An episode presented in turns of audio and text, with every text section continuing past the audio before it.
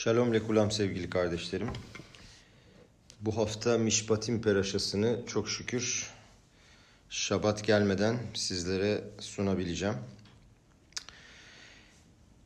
Arap Şaptay Slavtitski'nin e, Arba Amazikim Şepogim ve Nefeş Şelanu adındaki deraşayı size aktarmaya çalışacağım. Rav Şaptay şöyle diyor, ruhumuza saldıran dört tane zarar verici vardır.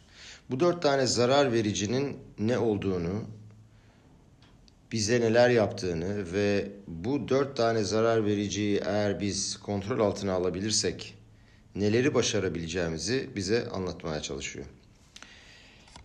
E, bu ders bu Holocaust'u anma gününde e, İlu Nişmat tüm hayatını Kiduş Yaşam için veren 6 milyon kimisine göre 8-9 milyon dindaşımızın e, ruhunu yükseltmek için olsun. Evet. Bugün Mişpatim Peraşası'ndayız diyor Rav ve Tora bize diyor ki Şekiyiten iş el reu yani birisi arkadaşına koruması için para veya başka bir araç verirse ve bu vermiş olduğu çalınırsa, hırsız da yakalanırsa iki misliyle ödemesi gerekir. Baal Shem Tov'un dediğine göre Tora'da yazan her şey her birimizin günlük hayatına dokunur. Burada Tsemah Tzedek müthiş bir şey söylüyor. Tora der ki her adam Tanrı'dan hediyeler alır. Akadosh Baruhu insana vücut, ruh, beyin, fevkalade karakter özellikleri ve muazzam güçler verir. Ve bazen içimizde bu muazzam kuvvetleri çalan küçük bir hırsız oluşur. Ne yapar bu hırsız? Bizi kızgınlıklara, öfkeye, kıskançlığa, arzu ve ihtiraslara ve bunalımlara sokar. Ve bu şekilde Tanrı'nın bize vermiş olduğu o muhteşem güçleri bizden almak ister. Bazı kişiler vardır bunlarla başa çıkabilirler. Genelde iki yol vardır. Yollardan bir tanesi bizi düşürüp indirip e, indirmek isteyen bu hayvani ruhla ki buna nefeşa beymit diyoruz Hasidut'ta arzu ve ihtiraslarla, bağımlılıklarla e, savaşırız. Fakat bazen insanlar bu savaşla devamlı sürekli mücadele etmekten artık bıkarlar ve mücadele bir türlü bitmez ve bu mücadelenin sonunda kişi der ki tamam ya çal beni artık ne istiyorsan yap yeter ki beni rahat bırak. Yani ne yaparız? Biz onun bize hükmetmesine izin veririz. Ve biz artık kendi kendimize hükmedemiyoruzdur ve kendimizi kontrol edemiyoruzdur. Bir de başka türlü insanlar vardır. Sadece hırsıza ne isterlerse yapsınlar diye izin vermezler. Onlarla başa çıkamadıkları için bir de umutsuzluğa kapılırlar. Depresyona girerler ve Tanrı korusun kendileriyle alakalı çok negatif düşüncelere saplanırlar ve yere yapışırlar. Tora'ya göre doğru yol nedir? Birincisi de doğru değil, ikincisi de. Bizim yapmamız gereken şu kardeşlerim. Hırsızın gözlerinin içine bakmamız lazım. Ve düşünmemiz lazım ki hırsızın bütün yapmak istedikleri ve bizden bütün çalmak istediklerinin sebebi bizi ayağa kaldırmaktır. Dikkat edelim. Yani bizim iyiliğimiz içindir. Eğer ona doğru onu doğru bir anlayış ve iyi bir bakış açısıyla düzgün bir çerçevenin içine koyarsak ve bunun sonucunda başımıza gelen her şeyin aslında bizi ayağa kaldırmak için geldiğini idrak edebilirsek işte o zaman başarırız. Yani onunla biz başa çıkabilirsek ve onun gözlerin içine bakarak onu onu ona boyun eğmezsek ve bazen düşeriz, bazen başarırız ama ne olursa olsun başarılı olduğumuz zamanlara bakarsak ki pozitif olmak lazım. Bugün Sitra Hayim'i dinledim o da aynı şeyi söyledi. Her zaman hayatımızın şimdiki anına geçmişe değil, geleceğe değil, şimdiki anına ve güzel şeylere bakarak mutlu olmaya ve sevmeye çalışmamız lazım. Dedi ki Sitre Hayim bu arada bir parantez açıyorum. Çok etkili ve çok güzel bir mesajdı çünkü. Eğer dedi e, sevgi her zaman içimizde varsa o sevgi bizim içimizde öyle frekanslar, öyle dalgalar oluşturur ki vücudumuzun her bir organı e, bundan iyi faydalanır ve mutlu ve düzgün ve başarılı ve dengeli bir hayat yaşarız. Parantezi kapatıyoruz.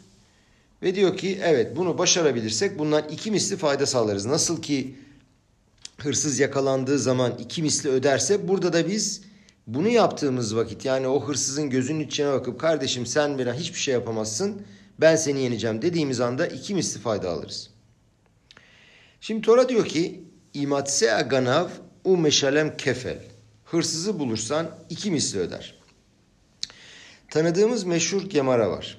Zdonot nefahim les huyot. Yani yapmış olduğumuz hatalar öyle bir an gelir ki teşuvanın ileriki safhalarında sevaba dönüşür. Yani zayıflıklarıyla başa çıkabilen birçok kişi tanıyoruz. Ve bu insanlar düşmedikleri gibi bundan büyüyerek çıktılar. Aslında şunu demin söylediğimiz gibi anlamamız lazım. Başımıza gelen başarısızlıklar ve düşüş, düşüşlerin özü aslında bizleri daha yukarı kaldırmak için geliyor. Hasitlerde çok enteresan bir deyim var. Şöyle diyorlar. Arı ol, dvora ol ve zvuv olma, sinek olma. Ne demek istiyor? Arı çöle bile gelse her zaman o yalnız kalmış, izole olmuş çiçeği arar. Niçin? Ondan o tatlılığı ve şekeri çıkarabilmek için. Sinek ise muhteşem meyvelerin ve çiçeklerin olduğu cennet gibi bahçeye bile gelse hep çöpleri arar ve o çöpün içinde kalır. Halbuki bizim tatlılığı aramamız lazım, arı olmamız lazım. Hırsızların bizden aldığı şeylerin içinde ondan nasıl büyüyebileceğini araştırıp bulmamız lazım. Gelin bu hafta bu hırsızların kimler olduğunu görelim. Hırsızı tanımak bizim için çok önemli. Çünkü eğer tanıyabilirsek kime dikkat edeceğimizi ve nereye saklandığını bulabiliriz. Bu haftaki Mişpatim Peraşası'nda Tora bize şöyle diyor. Ve ki yiftah iş bor. Adam çukur kazarsa. Yani zarar vericilerin bir tanesi çukur. İkincisi kitetse eş. Adamın birisi ateş yakıp yangın çıkarırsa. Babakama'nın başlangıcında meşhur bir mişne var. Arba avot nezikim. Dört tane ana zarar verici kategori vardır. Bir tanesi şor, ikincisi bor, şor boğa, ikincisi bor çukur, üçüncüsü mav'e yani zarar veren hayvanlar, dördüncüsünde ever o da ateş. Bu arada bu ikinci ve üçüncü, üçe, üçüncü ve dördüncüyü e, sağ olsun Ribi David bana çok yardımcı oldu ve bunların ne olduklarını anlattı. Ve e, hakikaten ders anlamlı bir hal aldı. Çok teşekkür ederim burada burada e, sizin huzurunuzda ona.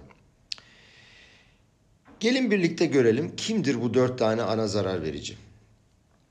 Çünkü bu dört tane zarar verici sadece fiziksel olarak boğa veya çukur değildir. Veya ateş değildir. Hepsinde ruhsal anlamda da dört tane zarar verici vardır. Burada enteresan bir sözcük var. Nezikim diyor, mazikim değil. Nezikim e, İbranice'de e, passive voice yani edilgen yapı, zarar gören de demektir. Mazik, nezik gibi. Çünkü diyor ki sadece sana var, zarar verenleri, verenleri yakalaman gerekmez. Aynı zamanda sana nasıl zarar verdiklerini ve senin nereni yaraladığını, hangi alanda senin canını yaktığını bulman lazım. Peki onu nasıl tanırsın ve nasıl teşhis edersin? Onu sana verdiği zararlardan ve sende açtığı yaralardan teşhis edebilirsin. Onun sebep olduğu sıkıntıları bilmen lazım. Onları anlaman lazım. Yoksa has ve şalom aileni yıkabilir. Eşler arasındaki ilişkiyi bozabilir. Arkadaşlarınla olan ilişkiyi yıkabilir. İş çevrene zarar verebilir. Yani bu dört tane zarar verici tüm hayatımızı yakıp yıkabilir, yer, yerle bir edebilir. Peki iyi de o zaman Akadosh Baruhu bunları niye yarattı? Niçin bunlara sahip olduk? Cevap onlardan büyüyebilmemiz için. Yani nasıl ki biz at ve boğayı kendi yararımız için kullanabilirsek, yani eğer ben at ve boğa, boğanın üstüne eğer bağlayıp yük koyup ona hükmedebilirsem o zaman onlar bana zarar veremediği gibi beni kaldırır, yükseğe kaldırır. Yani onu düzgün ve doğru bir çerçeveye koymam lazım. Bunları tek tek inceleyelim bakalım. Ve düşünelim acaba bunların bende açtığı yaraları, yaraları bulabiliyor muyum, teşhis edebiliyor muyum? Baal Shem Tov, Magid ve Baal Atanya'nın çeşitli kitaplarında şöyle diyorlar. Bu dört tane zarar vericinin psikolojik anlamda, ruhsal hayatımızda, manevi dünyamızda acaba karşılıkları nelerdir? Gelin tek tek bakalım. Birincisi şor, boğa. Şor aşurenu kelimesinden gelir. Aşurenu Tora'da yazıldığına göre reyya yani görmektir. Onu görüyorum. Görme duyusudur. Baal Shem Tov diyor ki bu görme duyusu diyor insana zarar verir. Basitçe şöyle bir e, cevap verebiliriz. Niye zarar verir? Çünkü biz negatif şeylere baktığımız vakit o zaman bize zarar verir. Ama e, düşünmemiz lazım ki Baal Shem Tov burada sadece negatif şeylerden bahsetmiyor. Görmenin özünden, konseptinden bahsediyor. Zeareya mazik lebne adam. Yani görme duyusu insana zarar verir. İyi de ne var görmede bu kadar kötü? İlk bakışta görmek muazzam bir duygu. O kadar ki Gımara der ki kör bir adamın ölü olduğu varsayılır. Bizim iki tane merkezi duyumuz vardır. Bir tanesi Reuven, bir tanesi Şimon. Reuven reyya, görmek kelimesinden türer. Şimon ise şmiya, duyma e, kelimesinden türer. Duymak ve görmek kardeşlerim bizim en dominant duygularımızdır. Peki aralarında ne var? Onu gelin bir inceleyelim. Hasidut'ta açıklandığına göre görme duyusunu kullanarak biz hep maddi şeylere bakarız. Maddi şeylere dikkat ederiz. Yani tanrısal şeyleri, e, dvarim elokim bunları göremeyiz. Önceki derslerde de söylediğimiz gibi Kriyat Yamsuf haricinde, Kızıldeniz'in e, yarıldığı zaman haricinde. O zaman öyle bir an gelmişti ki hizmetçi bile, basit bir kadın bile muazzam tanrısal şeyler görmüştü. O zaman tanrısal şeylerin açığa çıkışı vardı ama o enstan, o zaman dilimi haricinde genellikle görmek hep maddi şeyleri görmektir. Duymak ise duymak ise ruhani ve manevi şeyleri duymaktır.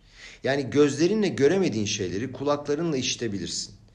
Tora ve bilgelik sözleri e, işitebilirsin, açıklamalar duyabilirsin ve manevi bir takım şeyleri içimize sindirebiliriz, absorbe edebiliriz.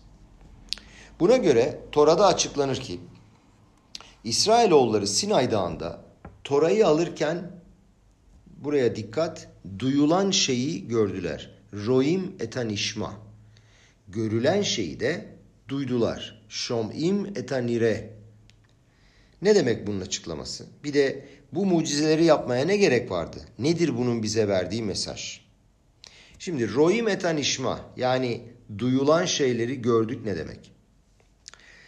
Dedik ki görmek maddiyattır ve duyma ise manevidir, ruhanidir. Bir Tora dersi dinleyebilirim. Bir melodi dinleyebilirim. Coşku dolu bir tefila duyabilirim. Tüm bunlar beni ruhani anlamda harekete geçirir ve uyandırır. İsrailoğulları ruhani olarak duymuş olduğu şeyleri maddi anlamda gördüler. İyice gördüler ve absorbe ettiler. Yani tanrısallığı gördüler. Yani ruhani ve tanrısal olan şeyi yani normalde duyulan şeyi maddi olarak gördüler. Çok daha güçlü bir şekilde bilinç altla, e, bilinçlendiler, gördüler. Öte taraftan görülen şeyi de duydular. Ne demek? Burada çok ince bir nokta var. Görülen şey maddiyattır. Şmiya ise uzaklaşmaktır, uzaktan duymaktır. Yani Sinay Dağı'nda maddi dünya onlardan uzaklaşmıştı. Maddi dünya karşısında kendilerini iptal etmediler. Kendilerini maddi dünyanın içinde kaybetmediler. Tamamen ruhani bir dünyada yaşıyorlardı. Aşurenu lafında gizlenmiş olan reyya yani görme şöyle de ifade edilebilir. Acaba sen kendini nasıl görüyorsun? Kendini görme konseptini görme duyusu açısından görebilirsin. Yani kendinde maddi bir adam görebilirsin. Gözlerini kapattığında ve kendine sorduğunda ne görüyorsun kendinde? Bazen insanlar vardır Tanrı korusun kendilerini hayvan gibi görürler. Kendimde çatışan arzular, garip düşünceler ve tutkular görüyorum. Aman Allah'ım bir bilseniz kafamda dolaşan bin bir tane düşünceyi o kadar utanırdım ki kendimi gömmek isterdim. Söylendiğine göre bu dünyayı terk ettiğimizde diğer dünyada herkes kendi düşüncelerini ve arzularını naklen ekranda görecek. Bu kendini hayvan gibi gören insanların kafalarında binbir türlü arzular, ihtiraslar, tutkular, agresif düşünceler, son derece ahlaksız şeyler vardır. Yani benim içimde olanı hiç kimse dışarıdan göremez. Yunanlılar İsraillere boğanın boynuzunun üstüne en lahim helek beloke İsrail diye yazdırdılar. Yani İsrail'in tanrısında sizin hiçbir payınız yok. İyi de niçin özellikle boğanın boynuzunda? Basit açıklaması şöyle. Bne İsrail'in yapmış oldukları altın buzağı hatasını hatırlatmak istemişlerdi. Peki boğanın boynuzları neyi sembolize ediyor? Genelde boynuz güzelliği ifade eder. Şöyle bir gözünüzün önüne getirin. Geyiğin boynuzu, boğanın boynuzu. Yosef boğanın boynuzlarını temsil ederdi. Yunan kültürü de tamamen maddiyatın üzerine kurulu bir kültürdü. Yani görme üzerine, güzellik üzerine. Onların kültürü vücut üzerine baze olmuş bir kültürdü. Olimpiyatlar yaptılar. Köleleri birbirleriyle öldüresiye savaşır, savaştırdılar. Aynı köleler hayvanlarla da savaşıp hayatta kalmaları gerekiyordu. Bütün bunlardan anlaşılıyor ki Yunanların vücut ve maddiyat kültürleri vardı. Şor, boğa budur. Dediğimiz gibi kimi insanlar kendilerini boğa gibi yani tamamıyla maddiyat olarak hissederler. Çok kişi de der ki e bu benim ne yapayım? Böyleyim. Bazen bir kişiye dersiniz ki gel senle bir Tora dersine gelelim. Gel bak şöyle bir fırsatımız var insanlara bir iyilik faaliyetinde bulunalım. Rahat bırak beni ya. Ne istiyorsun sen benden? Ben tamamen maddiyatın içine gömülmüş bir adamım. Ne anlarım bu işlerden?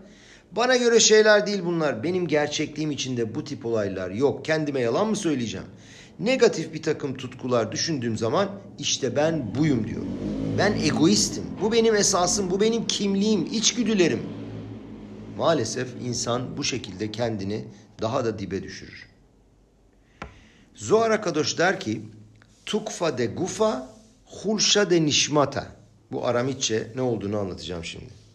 Diyor ki ne kadar çok kendi içinde maddiyat hissediyorsan, kendini maddiyata ne kadar önem veren bile olarak görüyorsan, senin maneviyatın ve ruh halinde o kadar düşer ve küçülür. Maalesef bu zamanımızın en büyük trajedilerinden biridir. Manevi psikolojik problemler yaşayan insanlar bile şöyle diyorlar. Ne yapayım? Ben buyum. Benim tedavim bu. Böyle rezil şeyler yaparak ancak kendimi tatmin edebiliyorum, tedavi edebiliyorum. Anlatırlar. Adamın biri son derece agresifmiş. Tedavi için psikoloğa gitmiş. Psikolog onunla saatlerce konuşmuş. Daha sonra adam eve bir gitmiş. Bütün eşyaları kırmış, iskemleri duvara atmış, herkese bağırmış, fırça çekmiş. Adama sormuşlar ya daha yeni tedaviye gittin. Nedir bu halin? Niye böylesin? Adam cevap vermiş. Evet tedaviye gittim. Benim böyle bir adam olduğumu bana açıkladılar. Sen busun dediler. Ne yapayım? Devam ediyorum bu şekilde davranmaya. Sefer Atanya birinci bölümde açıklandığına göre dört tane temel vardır. Her kişinin ruhunda dört tane temel nokta vardır. Birincisi ruah, olelut, itbarut. Anlatacağım ne olduklarını. Olelut tercümesi e, ahlaksızlık ve çapkınlık olarak, deboşe olarak Fransızca bilinler bilir. E, türlü ahlaksızlık yapmak. İtbarut ise e, gurur ve böbürlenme. Bazı kişiler vardır çok büyük müesseseleri yönetirler. Ve bu işten muazzam bir gurur duyarlar ve kibirlenirler. Halbuki para kendilerinin bile değildir. Sadece orada e, onun e, başında dururlar. Bir keresinde Amerika Birleşik Devletleri'ne gittim. Oğlumla birlikte çok zengin birinin evine gittik. Adamın büyük bir malikanesi ve girişinde de 15 tane arabası vardı. Çok etkilendim. Vay be dedim ne kadar zengin bir adam. Halbuki sonradan öğrendim ki hiçbir şey onun değildi. Ev de onun değildi, arabalar da değildi. Banka adamın iflasını ilan etmek istememişti çünkü bilançosunda bir zarar göstermek henüz istemiyordu. Sanki bu yüzden de mallar onun gibi görünüyordu. Olelut nedir? Yani ben dışarıda eğleniyorum, kendimi kaybediyorum fakat eve gelince tam bir boşluk hissediyorum kendimde. İtbarut, böbürlenme. İtbarut ile gave arasındaki fark nedir diye söylüyor. İkisi de gurur tipi şeyler ama şöyleymiş. Gava diyor akıllı bir adamın akıllı olduğu için kendisiyle gurur duymasıdır. İtbarut ise burası biraz komik akıllı olmayan bir adamın sanki akıllıymış gibi gurur duymasıdır. Yani her şey havadır. Şlomo Amelech'in Hevel Havalim her şey tamamen boş olarak tanımladığı Yani tamamıyla maddi, fiziksel ve vücut kültürünün hakim olduğu bir dünyada yaşıyorsun ve biliyorsun ki belli bir zaman sonra maalesef bundan sana hiçbir şey kalmayacak. Bu tipte yaşayan insanlar belli bir süre sonra yaşlandıklarında anladılar, anlarlar ki hiçbir değerleri kalmamış. Dersin sonunda ölmeden evvel dünyanın en büyük milyarderlerinden birinin itirafını anlatacağız. Hakikaten çok hazin. Evet, bu bahsettiğimiz dört tane temelden biri. Dediğimiz gibi şor eşittir ruah. Rebbe Ari Akadosh adına şok edici, gerçekten sarsıcı, çok etkileyici bir şey söyler. Der ki, bu bahsettiğimiz dört tane zarar verici kategorilerin her birinin kökleri Akadosh Baruhu'nun söyleyemediğimiz isminin harflerine bağlıdır. Yani Yutke ve Vavke. Düşünün dört tane şu anda zarar verici açıklıyorum. İşte Şor, e, Bor, Mavhe ve e, Ave. Bu dört tane zarar vericinin her biri Yud, K, Vav, K harflerine bağlıdır kök olarak. Şimdi anlayacağız ne olduklarını. Nedir bu sözlerin derin açıklaması? Diyor ki e, Rebe, Aşem bu dört tane zarar verici kategori yaratırken kendi isminin dört harfine bağlamış. Çünkü bunların müthiş potansiyelleri, sırları ve esasları var ve bunlar aslında keduşa, mübareklik, kutsiyet. Bizim görevimiz ne? Bu dört tane zarar vericiyi alıp onları keduşaya doğru yükseltmek. Demin konuştuğumuz gibi boğayı ben alıp muazzam bir şekilde keduşaya yükseltebilirim. Ne zaman? Yapılan birçok şeyin tamamen boş olduğunu özümsediğim anda. Maddi olan bu şeyleri artık bundan böyle boyun eğmeyeceğimi anladığım ve kabul ettiğim anda işte o zaman onları kullanıp yükseltebilirim. Parayı, evi, arabayı tanrı, tanrılaştırmadığım yani avoda zara olarak görmediğim zaman, onların kölesi olmadığım zaman. Geçenlerde Amerika'da adamın biri kendine mezar satın almak istemiş ve ayrı ayrı 8 tane mezarlık istemiş almak. Niye diye sormuşlar. Beni arabalarımla birlikte gömün demiş. Düşünün maddiyatın artık dibine girmiş. Bazı insanlar vardır arabalarında küçücük bir çizik olduğu zaman çıldırırlar. Maalesef arabasına bir çizik attığı zaman attığı için karşısındaki adamı öldüren insanlar bile olmuş. Çünkü bu insanlar maddi dünyayı tanrısallaştırıyorlar. Onu avoda zara yapıyorlar. İşte ben bunu anladığım, özümsediğim andan itibaren muazzam bir güce sahip olurum. Tüm maddi dünyayı kullanmamın amacı onu saflaştırmak olduğunu özümsediğim andan itibaren işte o zaman onu kullanıp yükseltebilirim. Şimdi anlatacağım hikaye inanılmaz bir hikaye. Gerçekten bu hikayeyi dinlerken gözlerim doldu. Ee, Rav Şaptay'ın çok çok tavsiye ederim her zaman söylediğim gibi dinlemenizi. Böyle insanın gözlerinin içine bakıp öyle bir anlatıyor ki yani e, ağlamamanız mümkün değil. Hikaye şöyle. Adamın biri çok zengin olmayan hatta ortanın altında fakirce bir aileden geliyormuş. Fakat demiş ki diyor ki e, Rava kendisi anlatmış bunu adam. Ailede anne ve baba her zaman çok kardeşçe bir hava ve sevinçli bir ortam oluşturmaya çalışmışlar. Babasının bir araba alacak parası bile olmamasına rağmen borç harç edip bir şekilde arabayı satın almış ve 9 tane çocuğuna onları mutlu edebilmek için böyle parklara, deniz kenarına giderlermiş arada bir. Bir keresinde Natanya'ya gelmişler.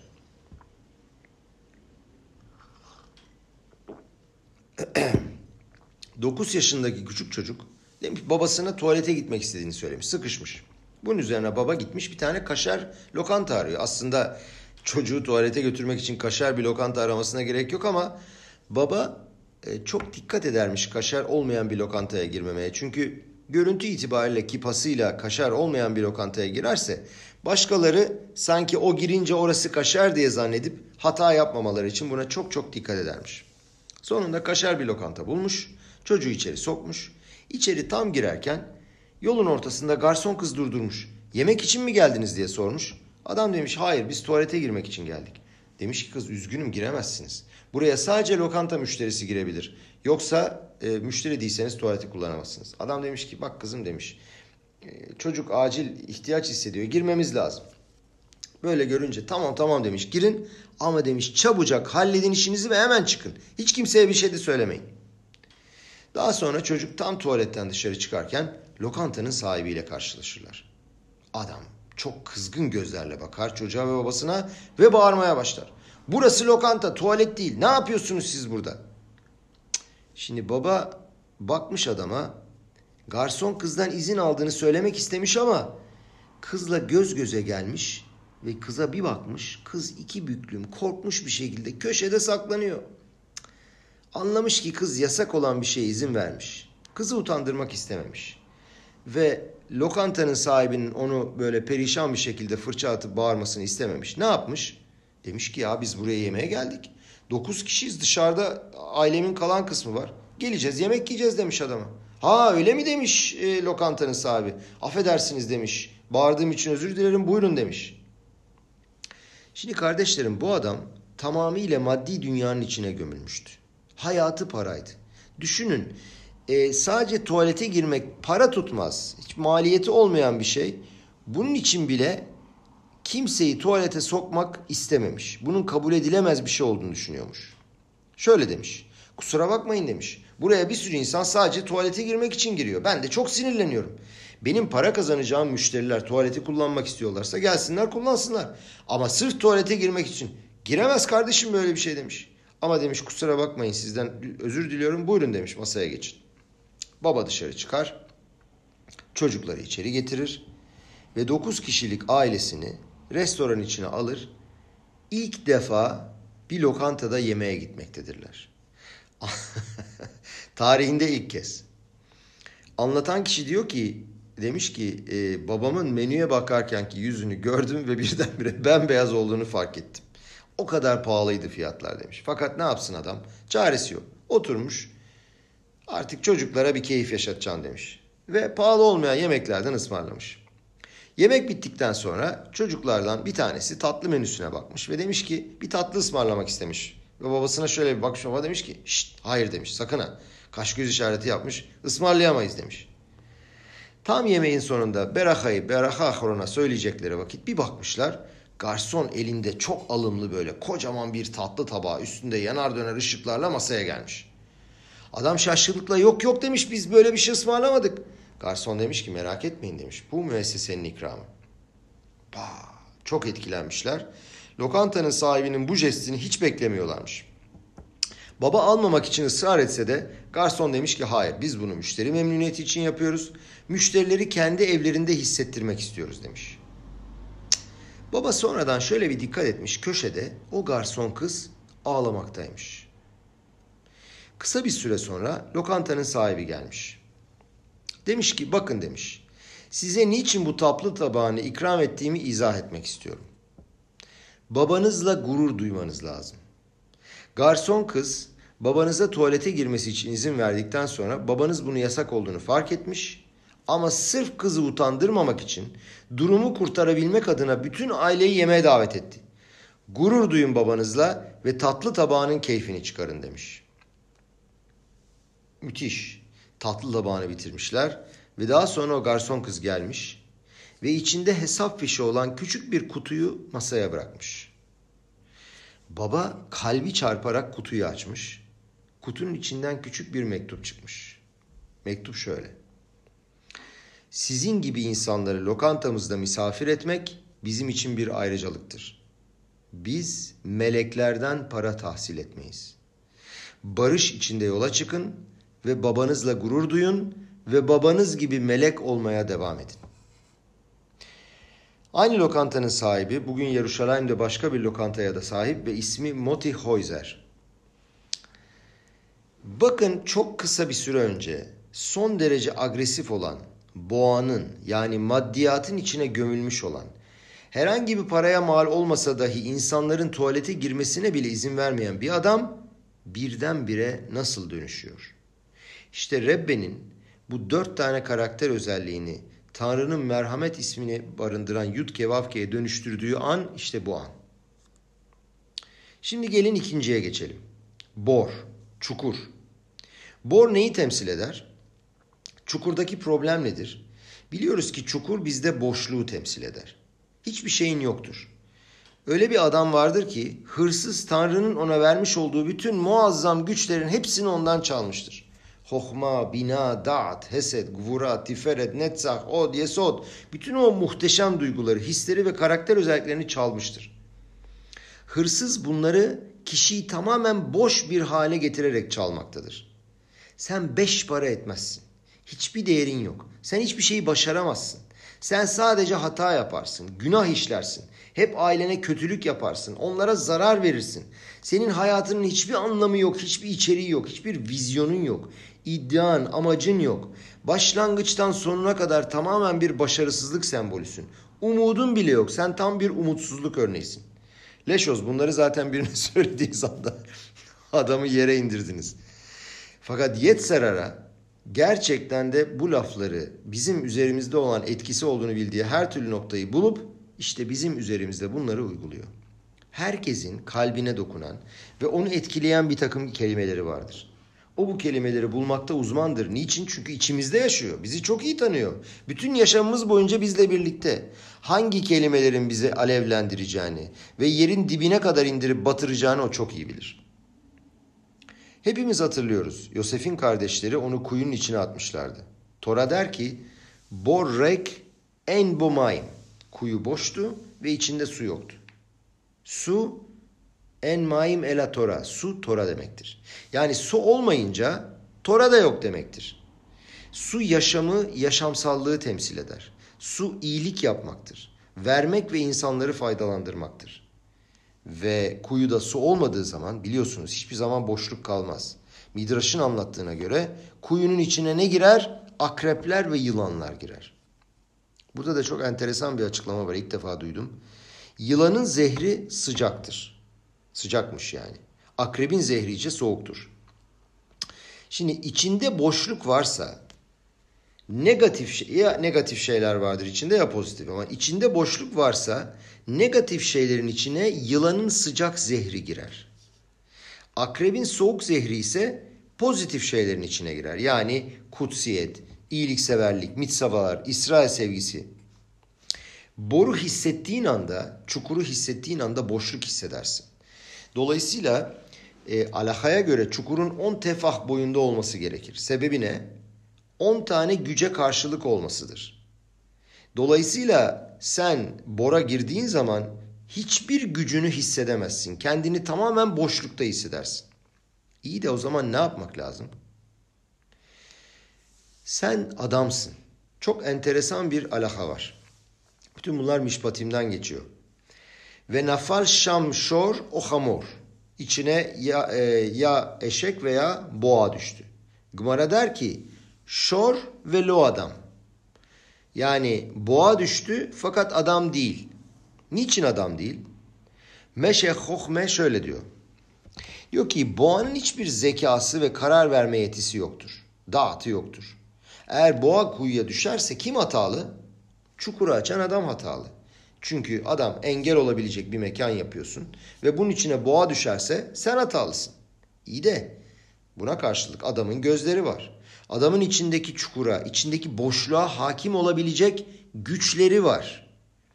Dolayısıyla önünde bir çukur varsa sen sorumlusun. Çukur senin hareketlerinden ve eylemlerinden sorumlu değil.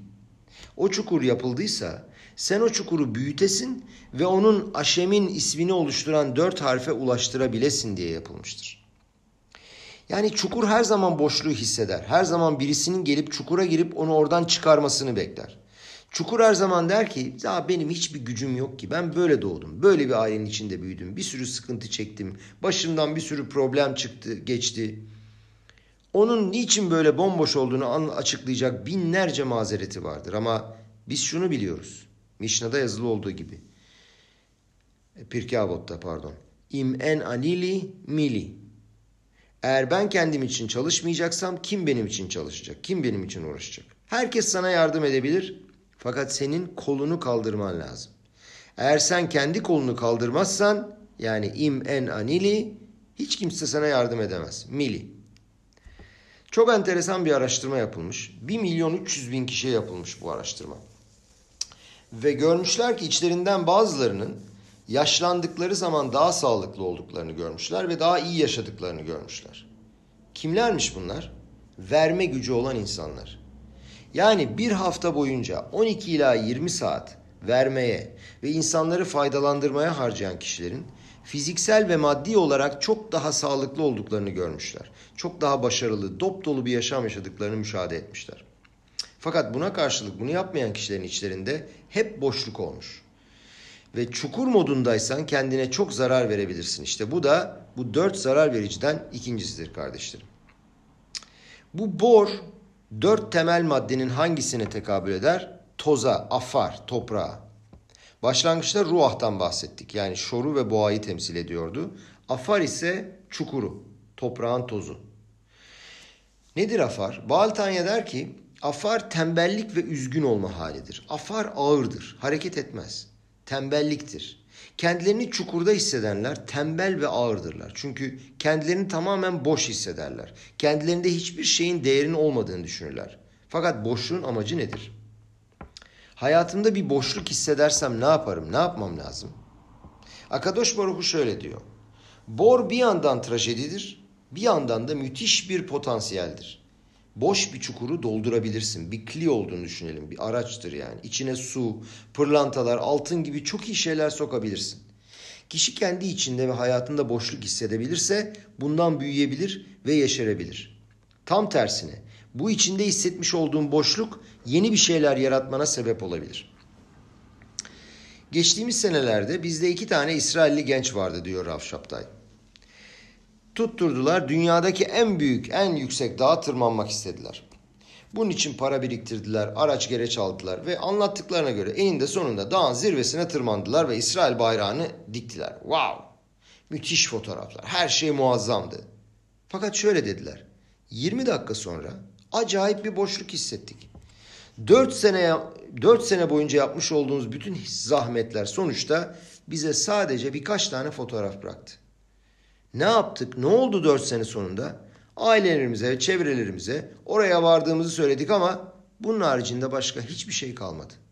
Bunu söyleyen çocuklar bunu hissettikten sonra evlerine döndüler ve Hozer teşuva, teşuva yapmalarına sebep oldu. İşte borun olayı budur. Şimdi gelin üçüncü zarar vericiye bakalım. Üçüncü zarar verici mave, maverdir. Şimdi bunu işte bunu anlayamamıştım. Ribi David sağ olsun yardım etti. Bu beyaz e, Türkçe tercümeli olan kitaba baktık. Orada çok güzel açıklamalar var. Ona oradan alıntıdır şu aldığım. E, bu gerçekten e, Rav Şaptay'ın anlattıklarına çok güzel destek oldu. Şöyle diyor. Mave çiftlik hayvanlarının verdiği zarardan bahsediyor. İki tür vermiş olduğu zarardan bir tanesi şen, diş adı verilen zarar. Ne demek şen? Şen genel olarak hayvanın kendi zevkini tatmin etme amacıyla yaptığı hareketler sonucu verdiği zararları ifade eder. Yani hayvanlar e, bir çiftliğe giriyorlar ve bir takım yaptıkları hareketler yüzünden çiftliğe zarar veriyorlar. Ve bunu e, hayvanların sahibi tazmin etmekle yükümlü. Bu sebeple diyor en bariz zevk türü olan yemekten kaynaklanarak şen adını almıştır diş. Bununla ilgili şimdi Rav Şapta'ya dönüyoruz. Ravlar arasında tartışma vardır diyor Rav. Şmuel sorar. Şen nedir? Diş nedir? Senin hayvanın yemek yerken. Yani Baal Şemtov diyor ki bu neye benzer? Arzu ve ihtiras sahibi insanların yemek yerkenki halini gördünüz mü? Böyle dalarlar yemeğin içine. İşte buna benzer diyor. Yani dört tane ve neye benzer temel maddelerin hangisine tekabül eder? Demin demiştik ki boşluk e, afar, tozdu. Şimdi bu ise mave ise suya diyor tekabül eder. Admor Azaken der ki su birçok keyfi ve zevki tetikler ortaya çıkarır. Yani su zevkü safayı ve coşkuyu temsil eder. Soru şu. Sen acaba suyu ne için kullanıyorsun? Suyu sonsuz arzuların için kullanabilirsin. Yemek için, arabalar için, tanrı korusun uyuşturucular veya negatif şeyler için de kullanabilirsin. O yüzden bütün şahsiyetini, aileni kaybedebilirsin. Niye? Çünkü o muhteşem zevkin peşinde koştuğun ve onu çok istediğin için. Dolayısıyla aklını da kaybedebilirsin. Bu zevkin peşine düşüp her şeyi unutabilirsin. Pırlanta işinde çalışan birisi varmış Belçika'da ve şu anda İsrail'de yaşıyormuş. Belirli bir süre sonra bu Habad'ın bir takım yaptığı çalışmalar için yardım etmesi amacıyla onun ortaklığını rica ettik diyor Rav. Adam tüm kalbiyle her zaman fazlasıyla bize yardımcı oldu. Hatta biz sormamamıza rağmen kendiliğinden verdi. Ofiste tam karşısında da ortağı oturmuş. Böyle şeyleri, masaları karşılıklıymış. Ve o zamanlar o adam pek şomer e, mitz, Tora ve mitzvot değilmiş. Mitzvaları yerine getirmemiş. Ama çok sempatik, çok iyi, çok candan bir adammış. Bize yardım eden demiş ki bak demiş lütfen demiş ortağımdan bir şey istemeyin. Çünkü demiş utandırmaktan korkuyorum. Rahatsız etmeyin bu adamı. Gelin ben size vereyim sonra gidin. Her zaman ofislerine gidermiş Rab ve masalar karşılıklı otururmuş. Bana ya, bize yardım eden adam dışarı çıkarmış, gereğini verirmiş, sonra içeri girermiş. Bir keresinde yine geldim ofise diyor Rav. Adamın karşısına oturan ortağı bana sordu. Niçin benden istemiyorsunuz? Ya kendimi çok garip hissettim diyor Rav. Hani ortağı bana böyle bir şey söyledi. Bunu da söylemek istemedim. Onu da utandırmak istemedim. Dedim ki bak demiş seni tanımadığım için senden istemek bana doğru gelmedi. O yüzden istemedim. Benim hatam demiş. İsteyin demiş o zaman. Ne faaliyetler yapıyorsunuz söyleyin demiş. Adama listeyi vermiş. Listeyi gördükten sonra adam ortağından çok daha fazla bağış yapmış onlara. Ve anlatmaya başlamış. Demiş ki bak ben demiş tüm hayatım boyunca vermek nedir bilmiyordum. Başkalarını faydalandır başkalarını faydalandırmak ne demek hiçbir fikrim yoktu. Ben çalışıyorum, ben kazanıyorum. Bunun için yaşıyorum. Bu kadar. Niçin vereyim başkasına? Fakat sonradan birden fark ettim ki ortağım veriyor. Ve her verdiğinde yüzünden ışıklar saçıyor. Öyle bir keyif ki bu. Ben en iyi restoranlarda yemek yedikten ve en iyi yerlerde tatile gittikten sonra bile böyle içsel bir keyif alamıyorum. Tatile gidiyorum, güneşten yanıyorum, güzel bir renk alıyor yüzüm ama bu kadar. Ardında hiçbir şey yok, geçici bir zevk. Fakat o size bu verdikten sonra o kadar zevk alıyor, o kadar keyif alıyor ki bazen duyuyorum diyor, sekretere soruyor. Nerede Rabi diyor, sor bakalım neredeymiş, hatırını sor diyormuş. Sonra ben de bunu denemeye başladım ve siz benim hayatımı tamamıyla değiştirdiniz. Bir keresinde adam Çin'e seyahate gitmiş iş için. Oradan aramış. Sakın beni unutma diye. İşte bu adam birdenbire aynı çukurun onu ayağa kaldırdığını fark etti. Aynı su o zevk alma tutkusu yön değiştirdi. Bazı zamanlarda bu su konseptinin vermiş olduğu zevk çok kuvvetlidir. Ama soru şu bu kuvvetli zevki sen ne yönde ve ne şekilde kullanıyorsun? Acaba sadece maddi şeylerden zevk ve keyif almak için mi kullan, kullanmak istiyorsun? Yoksa hasidik bir tefila veya bir iyilikseverlikten mi keyif almak istiyorsun? Hangisi için yaşıyorsun ve neyin içine dalmış gömülmüş durumdasın? Gelin şimdi dördüncü zarar vericiye geçelim. Dördüncü zarar verici ise ateştir, eş. Admor Azaken şöyle diyor. Ateş diyor öfke ve gururdur. Ateş her zaman yukarı çıkar ve yakar. Masanın bir kenarına bir parça ateş koyarsanız orada durmaz. Yakabileceği her şeyi yakması lazım. Ancak yakacak bir şey kalmadığı zaman söner ve o zaman gerçekliği ortadan kalkar. Suyun tam tersi. Su toprağa iner. Toprağa iner ve onu yeşertir. Ateş dediğimiz gibi öfke ve gururdur. Genellikle öfke ve gurur nereden ortaya çıkar kardeşlerim? Kişinin yozlaşma ve doğru yoldan çıkma hissi yüzünden. Yani her şeyi o biliyordur. Kendisiyle barışık değildir, kendini iyi hissetmiyordur. Dolayısıyla olaylar kendi istediği gibi gelişmediği için zaman veya birisi onun beklediği gibi bir şey söylemediği zaman sinirlenir, öfkelenir. Senin ne ihtiyacın var ki böyle bir gurura? Ama ne oluyor? Kendini iyi hissetmediği için sanki başkasının üstünde kibrini göstermek gibi e, görür ve öyle hisseder. Onun üstüne çıkmalıyım. İşte ateş her zaman yukarı çıkar ve yakar. Öfkenin ne kadar çok aileleri, işleri, Tanrı korusun sinagogları yakıp yıkabileceğini biliyoruz. Öte yandan ateş muazzam bir şeydir. Aynı ateşi kutsiyet ateşi olarak, mübareklik olarak da kullanabilirsin. Ve böylece fevkalade şeyler yapmak isteyebilirsin. Dünyayı aydınlatmak istersin. Dünyada var olan şeyleri büyümek istersin. Bu dünyadaki maddi olan şeyleri yeşertebilirsin. Bu dünyadan korkmadan Akadosh Baruhu'nun bana yardımcı olacağına emin olarak ortalığı yakıp yıkabilecek olan bu ateşi alıp onunla birçok şeyi inşa edebilirim. Kardeşlerim buna en iyi örnek Betamiktaş'ta Mizbeah'ın üstündeki korbanların yakılması ve Tanrı'ya böyle yaklaştırılmasıydı. Kadoş ve mübarek olan ateş. Evet, son bir sipurla bitirmek istiyoruz. Amerika'da en büyük iş yerlerinden bir tanesi.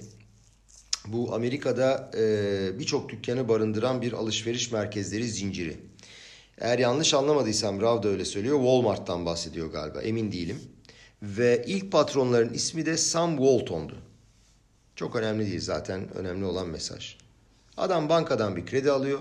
Küçük bir dükkanla başlıyor ve büyük bir imparatorluğa ulaşıyor. Çok büyük paralar kazanıyor fakat tamamen kendini işlerin içine gömüyor. Ailesine, çocuklarına hiçbir yatırım yapmıyor. Onlarla vakit geçirmiyor. Torunlarını kucağına ve omuzlarına almıyor. Dolayısıyla iş, iş ve iş. Tamamen kendini işin içine atıyor. Ve maalesef herkesin zamanı geliyor. O da tabii sağlıklı değil ve yatağında yatıyormuş artık. Ve tüm ailesi de etrafındaymış.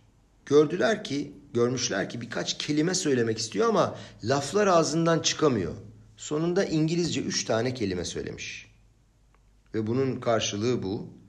Ay ay ay demiş, sezonu kaçırdım demiş. Hayatı kaybettim, hayatı kaçırdım. Birdenbire adam ailesinin kendisine yabancı olduğunu fark ediyor. Hayat ona yabancı geliyor. Müthiş bir servet bıraktı. Dükkanlar, bankada, paralar, her şey. Maddi olan her şey. Fakat gerçekten bu hayatta bir şey bırakabildi mi? Bir aile, iyilikseverlik, insanlara yardım, Tora, insanlara ilham verecek mesajlar bırakamadı, bırakabildi mi? Maalesef bırakamadı.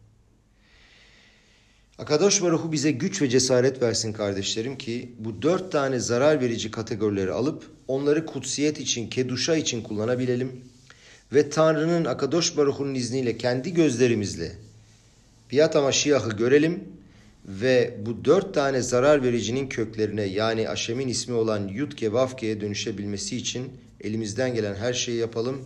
Amen ve hen ratson.